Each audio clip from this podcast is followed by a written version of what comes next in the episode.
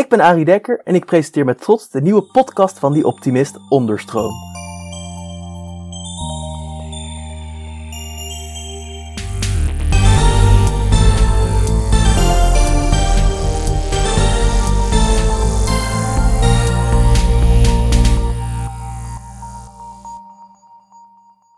Hallo iedereen! Zoals altijd bieden wij om de week een podium aan mensen en ideeën die meer aandacht verdienen. Vandaag spreek ik projectleider van Stefine, Dr. Yvonne Stikkelbroek.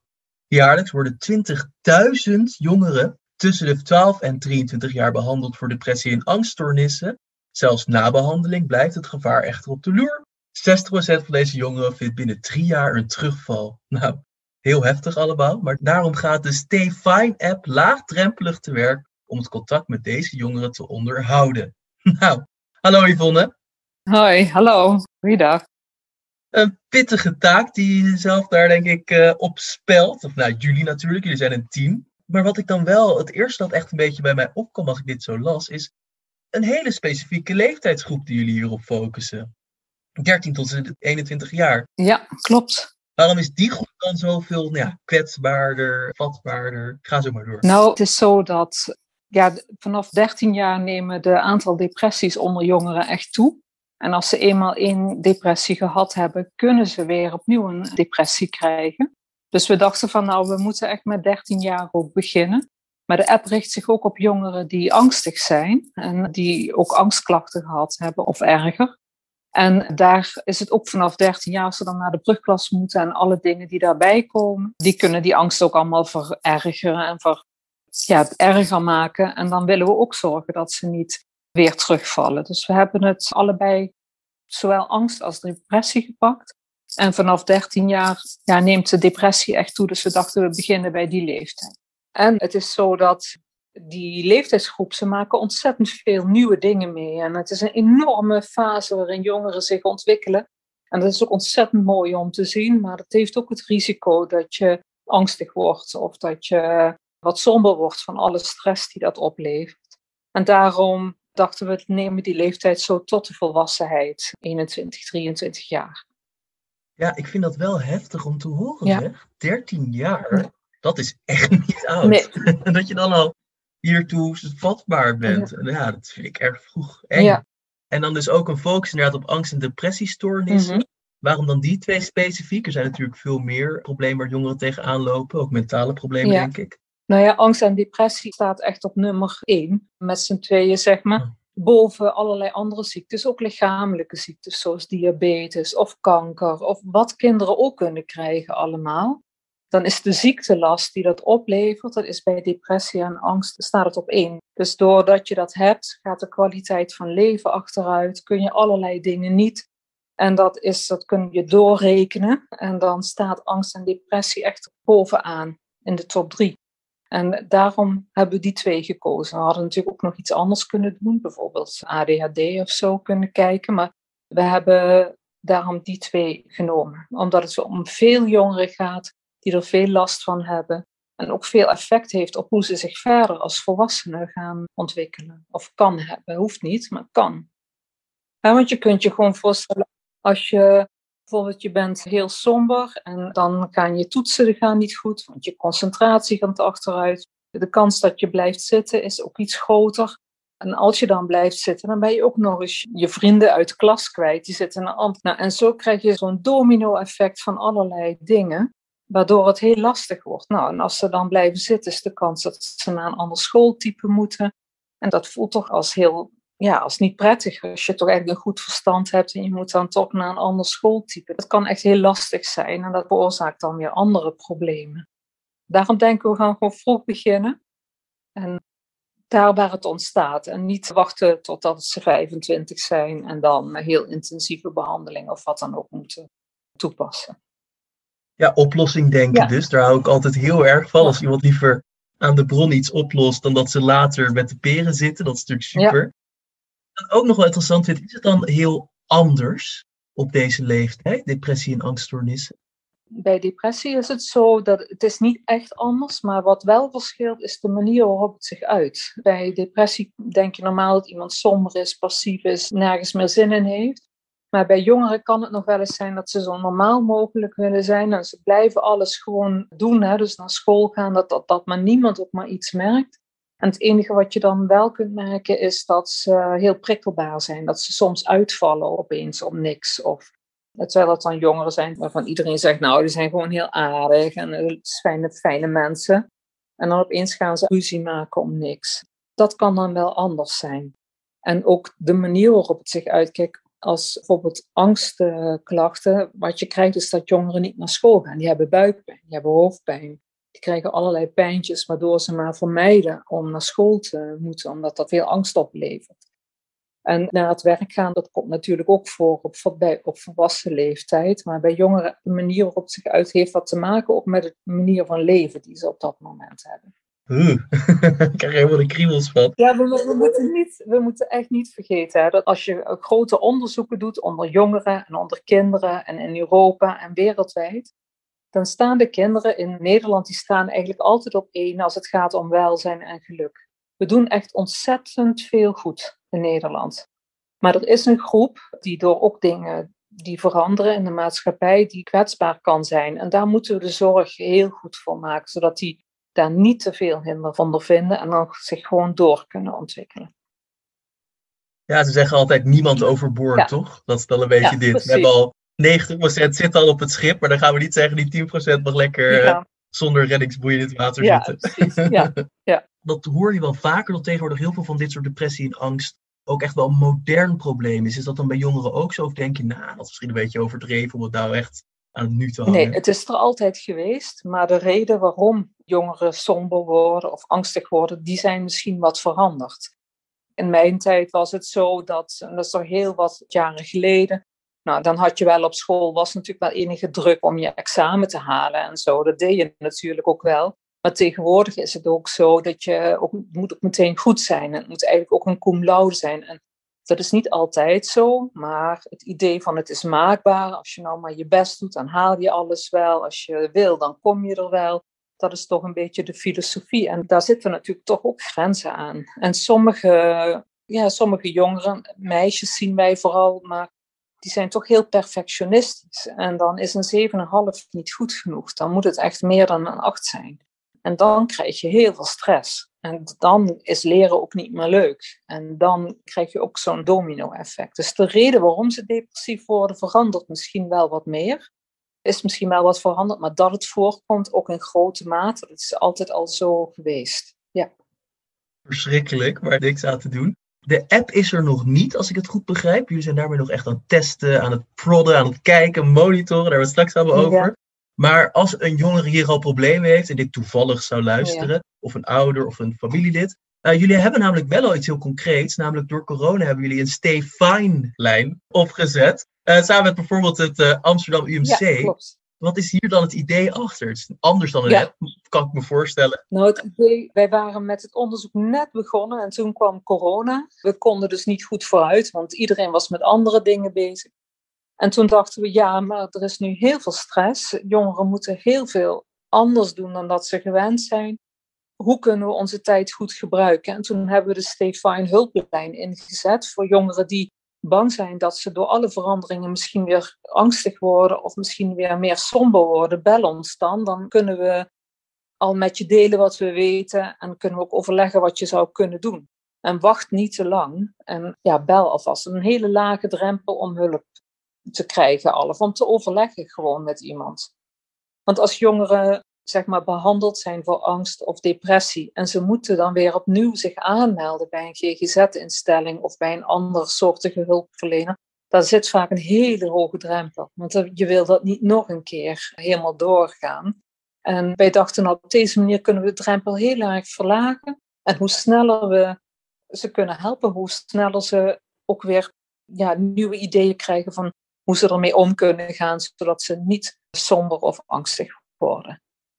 Hey, en ik zal ook dat nummer zal ik bij de link zetten, zodat ook uh, mensen die dit horen het ook echt kunnen bellen, want dat is natuurlijk wel terecht. Hey, en dat is trouwens wel, daar breng je wel een goede op, want eigenlijk het interessante aan jullie app is, ik neem aan dat het ook jongeren mag helpen die al nou, richting voor de eerste keer naar depressie gaan en dat soort mhm. dingen. Maar eigenlijk is jullie voornaamste focus een uh, terugval, toch? Dus een jongere die risico loopt. Precies. Ja. ja. En er is nog bijna niks voor, ook wereldwijd niet. Er zijn wel wat onderzoeken gedaan met medicijnen, hè, met antidepressiva bijvoorbeeld, van hoe lang jongeren dat moeten doorslikken om te zorgen dat ze niet terugvallen. Dus er is wel iets aan gedaan met pillen en zo, maar verder is er eigenlijk nauwelijks onderzoek naar gedaan. En het is heel raar, want het is een, wel een, echt een probleem wat we moeten aanpakken. Want als je daar wat in kunt betekenen, dan doorbreek je echt de cirkel dat het weer terugvallen en ja, wat je niet wil. Ja, en ik snap ook wel dat het dan voor zo'n jongeren, dat ze dat helemaal hebben doorstaan, heel moeilijk kan zijn om te zeggen, ah, nou, dan moet ik maar nog een keer. Dus dan is het eigenlijk heel slim om dus, nou, nu de Save Fine lijn en in de toekomst de app te gebruiken om daar tegen te gaan. Dat snap ik natuurlijk heel mooi. Maar er zei je wel iets heftigs. Dus er wordt niet onderzoek gedaan naar zo'n terugval, hoe je dat voorkomt en hoe daar een oplossing te vinden is. Waar, waar slaat dat nou weer op? Dat is toch heel belangrijk? Het is, ja, het is ook echt heel erg belangrijk. En ja, de, de luisteraars kunnen me niet zien, maar ik ben al flink op leeftijd. En ik dacht van, als ik ooit een kans krijg om hier onderzoek naar te doen, dat begint altijd met geld, dan grijp ik hem met beide handen. En nou, er was een mogelijkheid voor subsidie, ook voor wat langer. We deze subsidie hebben we voor zeven jaar gekregen zodat je mensen ook echt langdurig kunt volgen. Meestal krijg je subsidie voor drie jaar en dan kun je mensen niet volgen. Dan kun je er eigenlijk geen onderzoek naar doen. Dus dat was mogelijk. En toen hebben we meteen een aanvraag geschreven en dat geld ook gekregen. Maar dat is, ja, wereldwijd is echt nauwelijks onderzoek naar gedaan. We hebben uh, alle literatuur, kun je allemaal internationale literatuur van onderzoek, kun je allemaal doorzoeken. We hebben 8000 artikelen onder, doorzocht en er is nauwelijks iets, behalve iets over antidepressiva, maar verder eigenlijk nauwelijks. Onder jongeren, hè? onder volwassenen is er wel meer onderzoek gedaan, maar onder jongeren eigenlijk niet. En dat dus terwijl het zich geheel anders uit. Dus dat het echt belangrijk is om daar onderscheid tussen te maken, zoals je net al liet zien. Jeetje, ik vind dat heel heftig om te horen, maar dan is fijn dat Stay Fine er mhm. is. Fine, fijn. En ik vind het dan nog steeds wel ook heel grappig dat jullie dus toen hadden besloten om een app ervan te maken. Want zo'n Stay Fine lijn, dat is natuurlijk wel iets meer begaande weg. Je hebt natuurlijk heel veel de kindertelefoon, je hebt de 113, de zelfmoordhulplijn, et cetera, et cetera. Maar ja, een app. Ik heb nog nooit gehoord dat iemand dacht, hé, hey, we gaan het als een app doen. Wat ik een heel cool idee vind. Nou, we hebben de Nationale Jeugdraad. Die heeft een groep jongeren die in behandeling geweest zijn.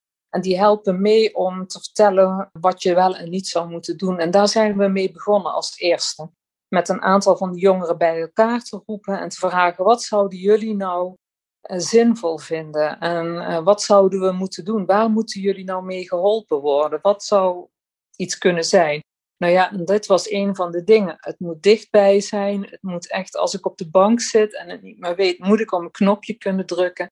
Ik moet niet weer naar een psycholoog moeten. Ik wil niet meer naar een GGZ-instelling. Moet echt dichtbij beschikbaar zijn op de plek waar ik ben en waar ik ook hulp nodig heb. Of op het moment dat ik het ook niet zie zitten of dat ik het weer moeilijk heb, dan moet ik er gewoon bij kunnen.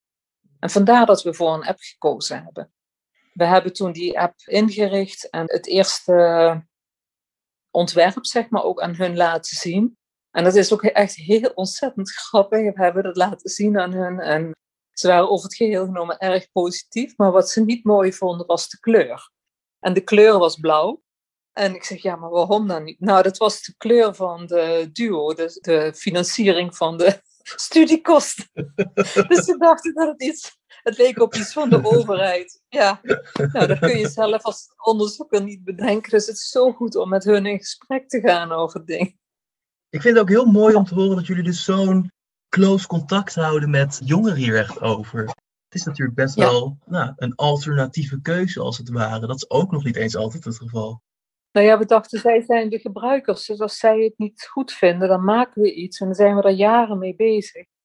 En dan werkt het niet omdat ze het niet goed vinden of niet prettig vinden. Of ja, en ik vind dat blauw een heel leuk verhaal. Zijn er nou nog meer dingen waar jullie echt tegenaan liepen? Dat jij dacht, dat moet toch in de app zitten? En dat juist de jongeren zeiden nee of andersom. Hè, wat doet dat hier? Ja, nou, woorden die we gebruiken, dat moest allemaal veel simpeler. Dat hebben we ook gedaan. Dus allerlei woorden, echt heel simpel.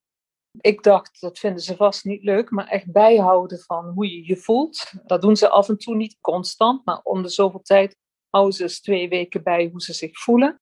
Dat vonden ze heel zinvol, dat wilden ze juist graag. Terwijl ik dacht van nou, dat vinden ze zo vervelend. Ze wilden ook wat meer informatie hebben over emoties kunnen omhoog gaan en omlaag gaan en weer weg zijn. En opeens kan het je weer overvallen. Nou, daar wilden ze ook graag wat meer over in de app. En we hebben, maar dat was ook vanwege onderzoek meer over zingeving en betekenisgeving, van dat je leven zinvol is, hoe je daar echt actief ook vorm aan kunt geven. Dus dat hebben we ja, er goed in gezet. Oh, dat klinkt heel goed. Ik wil straks trouwens ook graag, nogmaals, omdat de app er nog niet is, wat tips en tricks misschien voor dus een jongere die hier naar zal luisteren of een ouder. Maar laten we daar straks, we blijven even nog op de app. Wat, hoe zijn jullie dan? Ik zag het design van jullie app. Ik vond het er erg goed uitzien. Ik heb veel apps gezien. Er zitten vaak ook wel best wel wat raar gevormgegeven apps. Hoe zijn jullie dan op dit specifieke design? Jullie hebben dus bijvoorbeeld monitoring en modules maken jullie gebruik van. En dan is dus monitoring door middel van een vragenlijst. Toch? Dat is, als ik dat begrijp. Hoe ziet zo'n vragenlijst er dan bijvoorbeeld uit? Hoe gaat dat te werk? Nou, het is een vragenlijst met ruim tien vragen. En daar zit een wetenschappelijke gedachte onder. We weten welke dingen belangrijk kunnen zijn. En daar hebben we vragen van meegenomen. En dat is dus iets rondom stemming, dus de somberheid. Iets over angst, dat we weten of dat heel erg verandert. Iets over het reguleren van emoties. Dus als je stressvolle dingen meemaakt, of het lukt om dan niet meteen in de paniek te schieten, maar toch daarna weer rustig te worden. Daar zitten wat vragen in. Maar ook vragen over bij wie ben je of met wie was je toen dat gebeurde. Dus of je vaak bij anderen bent of juist veel alleen bent. Dus dat soort vragen zitten erin. Dus dingen rondom stress, rondom emoties, of je wel of niet veel contact met anderen hebt. En angst en somberheid. En dat vragen we dan iedere dag een paar keer na. En dan kunnen we na twee weken kunnen we echt een overzicht maken hoe die dingen met elkaar samenhangen. En dan kan het zijn dat iemand vooral somber wordt omdat hij veel alleen is. Dan weten we van nou, we moeten jou helpen om wat meer contact te hebben met anderen. Dat je wat tips krijgt of hoe je dat kunt doen, zodat je wat meer bij anderen bent. Want dan ben je veel minder somber. Hoe kun je dat regelen? En de app wordt ook begeleid door een ervaringsdeskundige, dus iemand die het ook zelf heeft meegemaakt en daar ook een opleiding voor heeft gehad om vanuit eigen ervaring te begeleiden. En die kan dan daar ook in helpen en mee zoeken naar manieren om stress en zo wat meer tegen te gaan of eenzaamheidsgevoelens wat minder naar de voorgrond te halen, zodat je dat wat minder hebt. Ja. En dat is eigenlijk een hele nieuwe manier. Maar wat daar leuk aan is, is dat er wiskundigen zijn, statistici, die manieren bedenken waarop we dat soort simpele vragen met elkaar kunnen combineren over twee weken, zodat je daar een zinvol iets uit kunt halen. En dat ziet ook bij iedereen heel anders uit. Bij de ene hangt de, ja, veel alleen zijn samen met de som, maar bij iemand anders is veel alleen zijn juist dat het met een goede stemming samenhangt, omdat ze met niemand rekening hoeven te houden en lekker aan eigen gang kunnen gaan. En nou ja, zo kun je daar allerlei dingen uithalen. Bijna dus een beetje een soort rekensom. Dat je dus hebt, nou, als je dit, dit en dit hebt, plus, minus, et cetera, dan komt daaruit, dus dit is waarschijnlijk jouw probleem. En verschilt dan dat die vragenlijst nog per, nou niet per se per persoon, maar per klacht? Nee, we hebben die dagelijkse vragenlijst, dat is echt voor iedereen hetzelfde. Oh, oké, ja. En dan is twee weken lang. En ik las zelfs ergens zes keer per dag. Ja, zes keer per dag. Dat is veel, maar omdat het twee weken is, houden mensen het wel vol. En jongeren zijn zelf ook nieuwsgierig, hoe zit dat nou bij mij? En dus dan houden ze dat wel vol. Drie weken niet. Dat hebben we ook weer aan jongeren gevraagd. We hebben ook jongeren dat laten testen. En drie weken was echt te lang. Dus dan hebben we het zo gedaan wat, wat vaker per dag, maar dan wel twee weken. En we doen het vaker per dag omdat iemand zich ochtends bijvoorbeeld slecht kan voelen en s'avonds heel goed of andersom. Dus er kunnen enorme wisselingen in zitten. Dus als je één keer per dag vraagt, krijg je geen goed beeld, omdat dat, ja, dat kan dan heel erg vertekend zijn. Dus vandaar. Kan het dan dus zelfs nog samenhangen met de tijd van de dag dat iemand een terugval heeft? En kom je daar dan ook wel eens tegen? Echt? Ja, ja. Wel weer heel ingewikkeld, wat stom. Verschrikkelijk toch? Ja, maar als iemand dus bijvoorbeeld het ochtends altijd moeilijk heeft, dan kun je daar ook dingen voor verzinnen. Dus dan zou je kunnen zeggen, zet dan s eh, s'avonds een heel lekker ontbijt voor jezelf klaar. Zodat je makkelijker je bed uitkomt. Of kun je misschien op je radio goede muziek programmeren als je wakker wordt. Dat dat misschien net wat meer helpt om je bed uit te komen. Zo, je kunt daar heel creatief in zijn. Ja.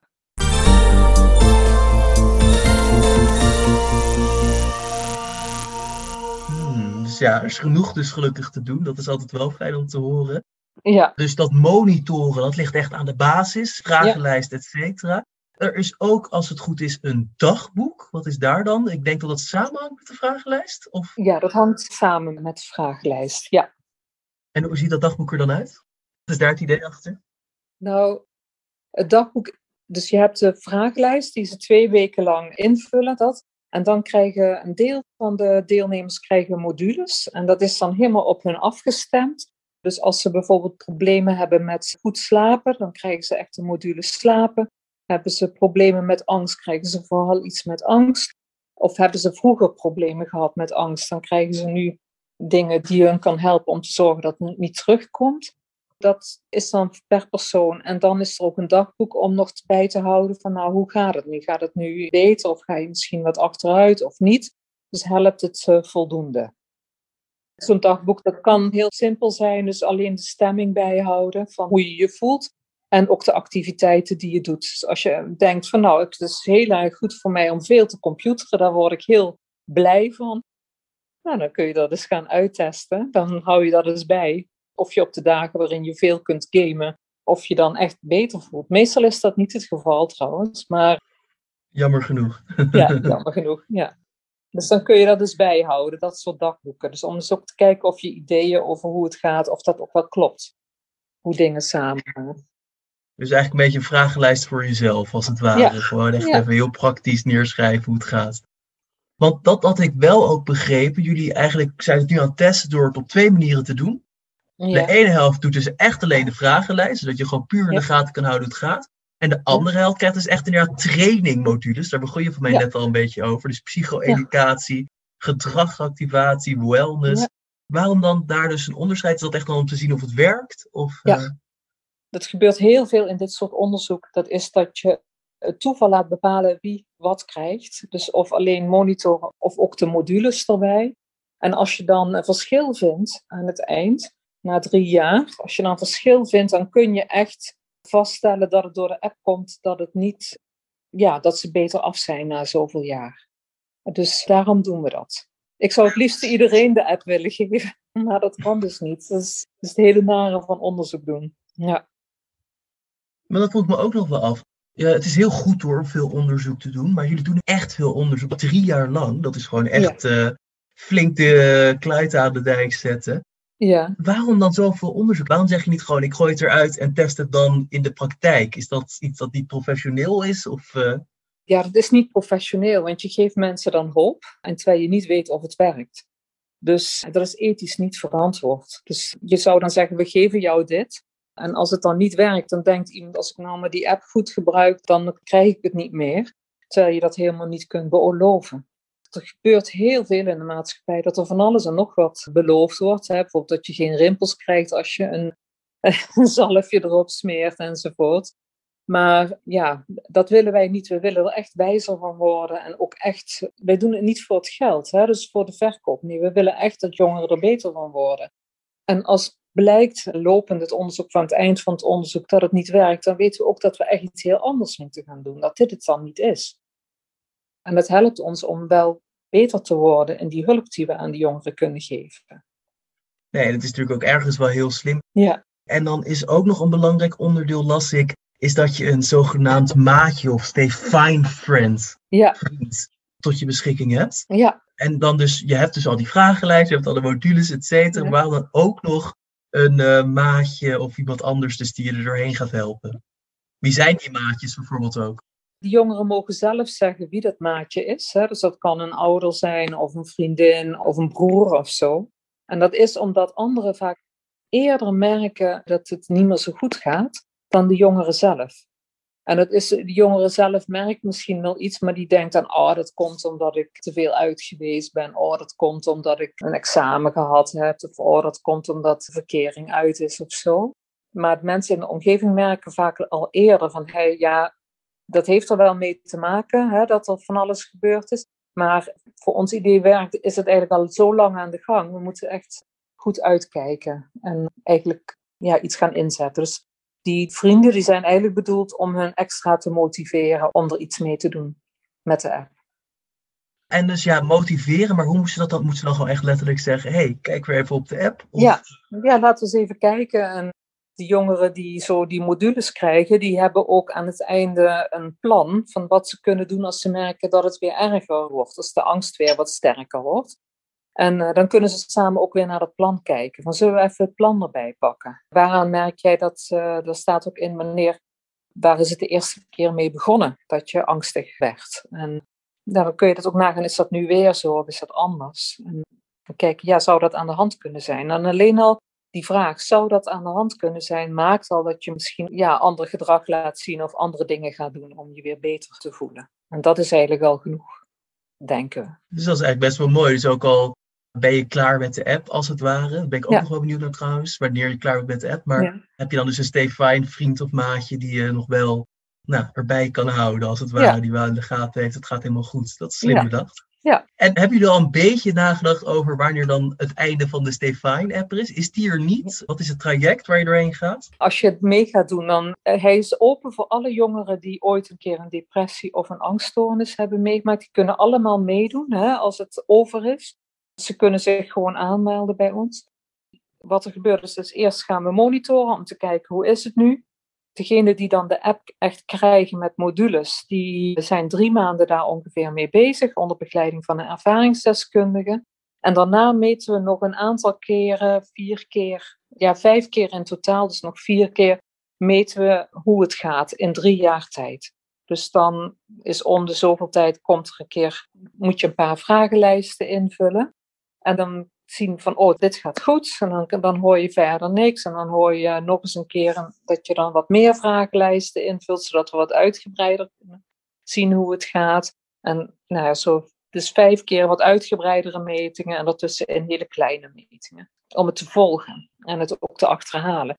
Als jongeren toch achteruit gaan, dat kan natuurlijk altijd het geval zijn, dan nemen we ook contact met hun op en zeggen van nou, je hebt wat meer gescoord dan we verwachten. Zie je dat zelf ook? Merk je daar zelf ook iets van? Kun je naar het terugvalpreventieplan kijken? Of misschien als het al heel erg is, dat we ze adviseren van neem contact op met de huisarts en overleg wat in jouw situatie goed kan zijn. Nou, dat kan zijn dat de huisarts zegt van nou, heb drie, vier gesprekken met de POH, psycholoog ondersteuning eh, van de huisarts. Het kan soms al genoeg zijn. En ja, of misschien nog wat andere dingen, dat kan. Dat ligt er dus per persoon aan. Maar de huisarts die heeft alle informatie van iemand in het dossier zitten. Dus die kan ook goed kijken, oh, wat moeten we nou doen? Dus het is dan eigenlijk, als dan eenmaal de terugval wordt gedetecteerd, zeggen jullie wel, we brengen je nu naar nou, iemand die daar je professioneel mee kan helpen. Zoals ook als je de eerste keer dat zou zien, ja. dat zou worden aangepakt. Ja. En dan hebben jullie zelfs dus ook nog, dus er komen heel veel mensen bij te pas, hoor ik eigenlijk al. Ja. Er is een ervaringsdeskundige die leidt ja. Dus niet per se dan, of misschien ook een arts of iets in die richting, of is het echt die ervaringsdeskundige die de leiding neemt? Je hebt de ervaringsdeskundige, dat is ook een opleiding en dat is voor mensen die zelf de GGZ-bemoeienis hebben gehad, dus zelf behandeling hebben gehad voor depressies of angststoornissen.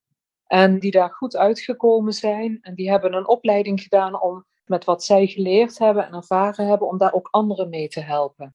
En dat werkt bij jongeren echt heel goed. Dus wij zetten die ook in. Wij dachten, we moeten ze niet weer meteen naar een psycholoog sturen. Want die gaat, de psychologen gaan er ook veel te moeilijk over doen. Ik ben zelf ook een klinisch psycholoog, maar, dus ik weet waar ik het over heb. Dus we moeten echt met iemand die gewoon veel meer op het herstel zit en op het gezonde zit. Eh, daar moeten ze mee in gesprek. En dat werkt goed. Ja, dat snap ik wel. Het is natuurlijk veel makkelijker, weer dat laagdrempelig wat jullie dan heel goed aanpakken. Ja. Het is veel makkelijker om iemand te spreken waarvan je weet, hij heeft het ook gehad en hij ja. bijna een beetje staat los van de grote enge baas als het ware. Ja, precies. Ja, kamp als het ware. Is slim bedacht, Ja. leuk. Want wat ik dan dus wel hoor, is dus je hebt maatjes, vriendjes, je hebt ervaringsdeskundigen, je hebt een team dat er achteraan zit, nog een deel dat de lijn. Dat zijn heel veel mensen. En ook zeker natuurlijk, zoals ik ook al net zei, 60% van 20.000 zijn erg veel mensen. Ja. Gaat die app, want het is dus niet zo'n automatische app als het lijkt. Want natuurlijk, meestal die mensen apps als een, je klikt erin, de robot doet iets. Ja. Veel menselijke elementen toch nog, nog steeds. ja. Is, is er niet een kans dat dit gaat overlopen? Hoe gaan jullie dat bijhouden? Hebben jullie enig idee hoe dat aangepakt moet worden? We hebben er rekening mee gehouden. Dus als we willen in totaal in ieder geval 253 jongeren in die app hebben. En dat schiet heel erg op. En daar hebben we gewoon mankracht voor gereserveerd. Op het moment dat die app echt blijkt te werken en het goed blijft doen, dan heb je al die mensen die onderzoek doen niet meer nodig. Dan heb je eigenlijk een ervaringsdeskundige nodig. En mensen die af en toe de app weer updaten met nieuwe, misschien nieuwe, nieuwe tekeningen of nieuwe informatie erin verwerken. Of misschien eens een module aanpassen of zo. Maar dan zou je eigenlijk met uh, ervaringsdeskundigen en een één psycholoog die op afroep beschikbaar is voor het geval als er iets ernstigs aan de hand is, dat die waar ze mee kunnen overleggen, zou genoeg kunnen zijn. We hebben het nu heel erg opgetuigd ook voor het onderzoek, maar zonder zou eigenlijk, dan moet gewoon kunnen. Ja. Het is eigenlijk heel slim, doordat jullie die rekensom dus in zo'n vragenlijst en andere dingen hebben, zijn jullie dus eigenlijk bezig om ervoor te zorgen dat zo'n ervaringsdeskundige in ieder geval het gros kan gaan doen. Ja. En als het is inderdaad maar één persoon per groep jongeren, dan snap ik inderdaad wel dat het iets realistischer wordt. Ja. En ja, jammer genoeg denk ik ook niet tot meteen al alle 20.000 terwijl jullie voor de deur staan. Nee. Dus wel, maar wel goed dat jullie daar hebben gedacht, lijkt mij tenminste. Ja. Want deze app is dus niet bijvoorbeeld gewoon vrij te downloaden in de App Store, als ik dit dan Nee. zo hoor. Nee, dat kan niet. Ik kan niet zeggen, ik Nee. download het nu even op de. Maar gaat dat dat ooit wel worden, denk je? Of is het toch altijd wel een beetje doorverwijzen en dan pas? Ja, wat ik me zou kunnen voorstellen, maar dat weten we niet zeker, is dat we de app ter beschikking stellen aan bijvoorbeeld de Depressievereniging en de Angst- en Fobie-stichting. En dat zij dit kunnen gaan doen. Zij hebben, de Depressievereniging heeft nu al uh, lotgenotengroepen, maar dan moet je toch altijd naar elkaar toe. En dat doen ze nu vooral bij volwassenen en nog niet zo bij jongeren. Maar die app zou een heel mooi iets kunnen zijn wat in hun aanbod zit. Maar ook GGZ-instellingen zouden jongeren, als ze klaar zijn met de behandeling, kunnen zeggen van nou, als je wil weten of het voor langere tijd goed gaat, meld je aan bij die app en dan krijg je af en toe een vragenlijst. En dan krijg je ook een waarschuwing als het niet goed gaat. Dus ik denk dat er meerdere mogelijkheden zijn om het te verspreiden en goed in te richten. En het blijft wel dus een hele mooie intermarriage op man technologie en nou, toch het sociale aspect. Ja. Want dat las ik ook nog, dat vond ik ook nog wel echt heel interessant. Ja. Ik vind heel veel interessant aan jullie app natuurlijk. Dat heb ik wel met meer van mijn podcastonderwerpen, zeker Ja. met jullie. Dat het ook jongeren in chatgroepen echt samen gaan komen. Ik neem aan dat dat geen WhatsApp-groep is, maar dus echt een soort van dus lotgenotengroepen dan online. Ja. Is dat een beetje het idee? Ja, dat is het idee, maar dat hebben we moeten laten vallen. Maar als het aan Ah. mij had gelegen, had het er wel in gezeten. Maar dat hebben we moeten laten vallen vanwege, het, ja, vanwege het, de opzet van het onderzoek. Het was niet mogelijk om het erin te passen. Maar ik zou daar wel voor zijn in een vervolgonderzoek om dat ook mee te nemen in chatgroep. Dus de eerste update. Ja, nou net zoals de depressievereniging heeft al van die lotgenotengroep contacten, maar die komen echt bij elkaar. Maar ik zou me kunnen voorstellen voor jongeren dat soort chatgroepen maakt, omdat dat hun manier van communiceren ook is. En ik denk dat die onderlinge hulp, dat dat echt heel belangrijk is. Ja. Maar dat weten we niet zeker, maar dat denk ik. Ja. Nee, ik vind het een slim idee, ja. ja. Nou, goed bedacht. Ik hoop dat deze update er komt. Maar Ja. nou, ik denk ook nogmaals, als dit blijkt te werken, gaan jullie denk ik sowieso wel wat meer uitbreiden en Ja. verder doen, neem ik aan, toch? Zeker. Ja. Zeker. Heb je al enig idee wat voor een uitbreidingen misschien? Wat, wat zou jou naast een groep medegenoten, heb je nog andere ideetjes waarvan je denkt, als, als dit werkt, doen we dat als volgende? Nou, ja, als het werkt, is de grote uitdaging zorgen dat het heel veel gebruikt en gedeeld wordt. En dat iedereen het ook gaat doen. En dan zou eh, mijn uitdaging zou zijn, is dat hulpverleners daar ook veel actiever in worden om het te verspreiden. Want dat merken, dat blijft nog achter. Dus dat zou echt heel belangrijk zijn dat de psychologen ook echt goed verwijzen naar deze app of naar andere vervolgzorg. Dus dat de psychologen ook veel door, meer doordrongen zijn van de noodzaak. Dat je ook op langere termijn goed aanbod, dat je ze goed moet verwijzen. De inhoud van de app, ja, ik zou bijna zeggen, ik zou willen naar een wearable toe, gewoon een horloge of zo. dat ze niks meer in te vullen, dat ze alleen nog maar volgen hoeveel ze zitten of hoeveel ze lopen. Of hoeveel ze wakker zijn, dat soort dingen. Als mensen dat zelf willen, dus niet opdringen als ze het zelf willen. En dat er gewoon een hele, daar zitten hele rekenmethodes achter. Maar dat we dan zover zijn dat we kunnen zeggen, gewoon alert kunnen sturen van hé, hey, pas op, verandert iets heel ergs in je patroon. Is er misschien iets aan de hand? Wat mooi, heel cool. Het schijnt bijvoorbeeld dat jongeren die wat somberder worden, dat die veel meer op social media gaan zitten. Dus dat ze daar opeens veel actiever op worden. En dat heeft waarschijnlijk te maken met dat ze zich heel erg terugtrekken uit contact. Dus helemaal ja, het niet meer zo naar buiten willen, niet meer zo onder de jongeren durven te zijn. Maar dat ze dat wel op social media kunnen. Dus je kunt aan dat gebruik zou je misschien kunnen voorspellen. Als dat heel erg toeneemt, dus veranderingen daarin, dat er misschien een terugval aan de hand is. Ja. Maar goed, zover zijn we nog niet. Ja. Nou ja, maar ik vind het wel heel mooi om te horen dus dat jij wel echt ziet dat technologie en dus dit soort nou, gezondheidszorg echt juist samen moeten gaan. Je hoort nog best wel vaak een beetje ja. ja afweer, misschien een beetje extreem. Maar nou ja, dat mensen het niet ermee eens zijn. Maar jij denkt, hier ligt wel echt de toekomst. Ja, zeker. Ja, bijvoorbeeld zoals slapen, hè, dat kun je met zo'n horloge ook goed meten. En slaap is een van de dingen die vaak erg ontregelend werken. En dat is bij depressie ook het geval. En bij angst ook, dat je door het piekeren weer heel slecht gaat slapen. Als iemand slecht gaat slapen, zou misschien een begin kunnen zijn. Waar je eigenlijk al heel snel kan zien van, hé, hey, gaat wel goed. Het zou een goed deel kunnen zijn van jullie app, denk ik inderdaad. In ieder geval wel, dat hoor ik heel erg. Ja. Hey, en dan, we zijn een beetje tegen het einde aan helaas van de podcast. Maar ik heb nog één vraag. Ja. Want de app is er dus nog niet. Dat blijf ik maar toch voor de zekerheid zeggen. Voordat iemand dus echt de App Store op gaat en gaat zoeken, Stay Fine app. Ja. Maar heb jij dan nu al dus tips voor jongeren wat ze kunnen doen? Heb jij, dus stel je voelt een terugval aankomen. Mhm. Wat zeg jij dan? Doe dit, doe dat, ga zus, ga zo. Ja. Nou, als je een terugval voelt aankomen, ga dan met, met iemand die jou goed kent, ga zitten. En ga terugdenken, waar is het de vorige keer mee begonnen? Wat heeft mij geholpen om eruit te komen? Dat kan iets zijn van een psychologische behandeling of niet. En ga begin daar. Van wat heeft mij toen geholpen om eruit te komen? En probeer dat nu weer op te pakken. En zorg voor een goede dagstructuur altijd. Van regelmaat in je leven te krijgen en stress wat af te bouwen. En stress afbouwen kan heel vaak door problemen op te lossen. Ga ze niet uit de weg, maar pak ze aan, vraag steun aan iemand om, dat ook, om daar iets voor te bedenken. Of dat, dat iemand jou helpt om dat ook te regelen, dat de problemen opgelost raken. Maar dat stress naar beneden gaat. Zowel als je bang, als je angsten hebt of als je wat meer depressief bent.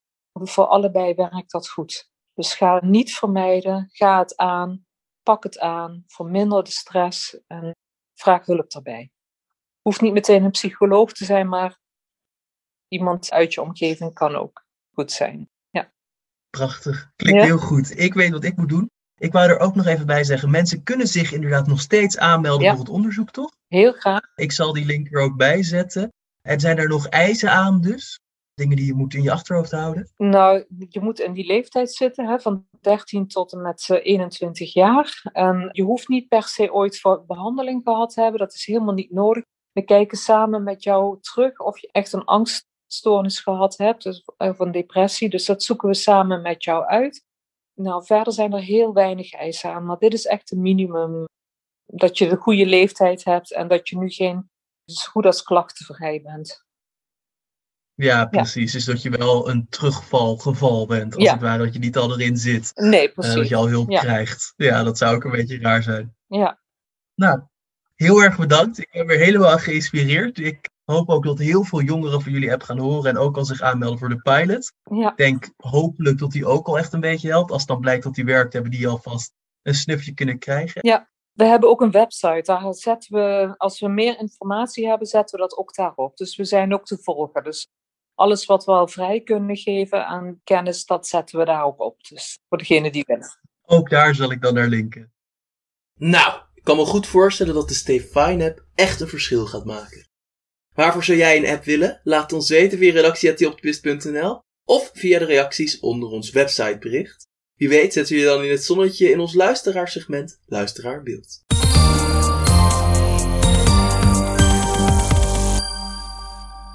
Deze week vertelt Sam Pietersen ons hoe zij haar innerlijke kompas volgt. Na jaren ongelukkig zijn besloot ik dat ik alles in de wind ging gooien en mijn eigen pad ging kiezen. Niet met hulp van anderen, maar echt zelf. Dat is misschien zwaarder, maar het leidt wel tot echte verlichting. Blij om te horen dat je je geluk weer hebt gevonden, Sam. Als dit de eerste podcast is die je van ons hoort, kan je via onze website, Spotify of welke plek je dan ook graag podcast luistert, de hele podcast over het luisteren naar je innerlijke kompas horen, waar dit een reactie op was. In deze podcast vertelt Andras Laszlo hoe we naar de wereld van politiek, economie en wetenschap kijken voor oplossingen, maar het tijd is om naar binnen te kantelen. Ook zouden we het waarderen als je een positieve review achterlaat op Apple Podcasts. Over twee weken zijn we er weer, maar in de tussentijd hoef je natuurlijk niet met je duimen te gaan zitten draaien. Zo kan je het nieuwste nummer van The Optimist 199 lezen, met als thema een beetje gek. De grens tussen gekte en genialiteit is soms kleiner dan je denkt. Daarom brengen wij in dit nummer een ode aan de gekkies die bij nader inzien zo gek nog niet zijn. Als laatste wil ik nog Anouk Wolf en Rob Adank bedanken voor het mogelijk maken van deze podcast.